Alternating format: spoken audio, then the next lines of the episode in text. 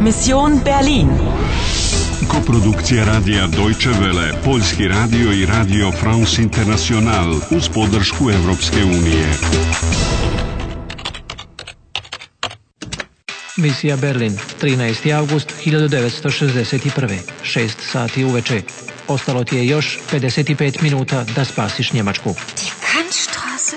Mädchen, die ist im Westen, verstehen Sie? Da können Sie jetzt nicht hin. Moraš biti pažljiv. Bleiben Sie nicht auf der Straße, hören Sie? Igraš li dalje? Igraš li dalje? Zdravo, spremna sam. Ana, bježi brzo odavde, sakri se negdje. Evo opet onih crnih kaciga. Prodavnica.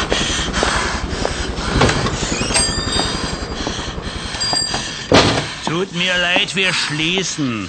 Kommen Sie morgen wieder. Zatvaraju li? Ali koliko je sati? Mm, Wie viel Uhr? Es ist 18 Uhr, junge Frau, und wir schließen um 18 Uhr. Aber Ja, kein Aber, Kindchen. Kommen Sie mal morgen wieder. Entschuldigen Sie. Herr Schulze, aber das ist meine Freundin. Ach so, Ihre Freundin. Na gut. Also ich gehe jetzt und Sie schließen ab, ja? Also bis morgen. Bis morgen. meine Freundin? Šta je sad to opet? Äh, wer sind Sie? Was machen Sie hier? Ich bin ovaj, Fotograf. Fotografin? Ach so. Und Ihr Fotoapparat? Mein Fotoapparat. Ähm, die Polizei. Ah, Ich verstehe. Kommen Sie. Sie können doch nicht auf der Straße bleiben. Ich nehme Sie mit nach Hause. Na Hause? Jel me to želi povesti svojoj kući? Danke, Wie heißen Sie? Anna. Anna. Mhm. Sie sind jetzt eine alte Freundin von mir. Eine Schulfreundin. Nicht vergessen, ja?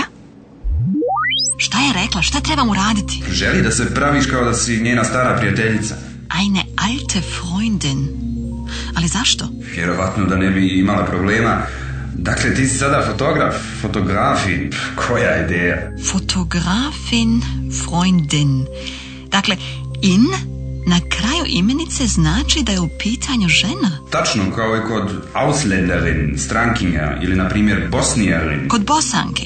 Ali šta je sa ženom iz Njemačke? Deutsche, to je izuzetak. Aha.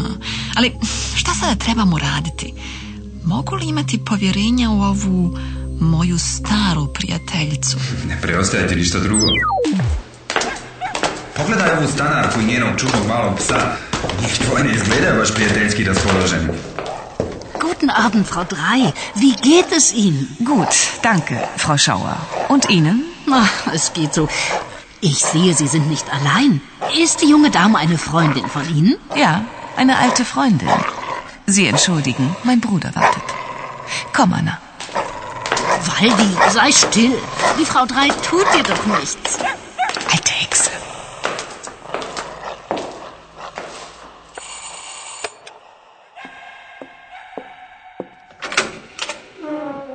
Guten Abend, Heidrun. Schnell, komm rein. Wen hast du denn da mitgebracht? Das ist Anna, eine alte Freundin von mir. Eine alte Freundin von dir, so, so. Guten Abend, Herr Winkler. Paul Winkler. Paul? Heidrun i Paul, kakvo iznenađenje. Tvoj Paul se baš i nije nešto posebno promijenio, zar ne? Pogledaj, ima čak još uvijek svoju slatku srebrnu violinu. Jesi li vidjela? Kommen Sie morgen wieder. Šta to znači? Učtiva forma za dođite ponovo sutra. A infinitiv? Vidakom, ali ich komme wieder, ponovo ću doći. A sada mi reci, alte hekse, znači li to stara? Ah. Vještica. A, Komšije su stvarno radoznala, jesi li čula onu staru? Si e? si nicht allein? ali mlada Heidrun ju je dobro otkačila.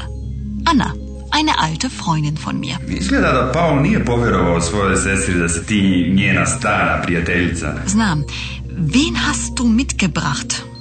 Šta to znači? Koga si dovela? Ali, zašto me je dovela svojoj kući? To bih zaista voljela znati. 16. runda uspješno završena.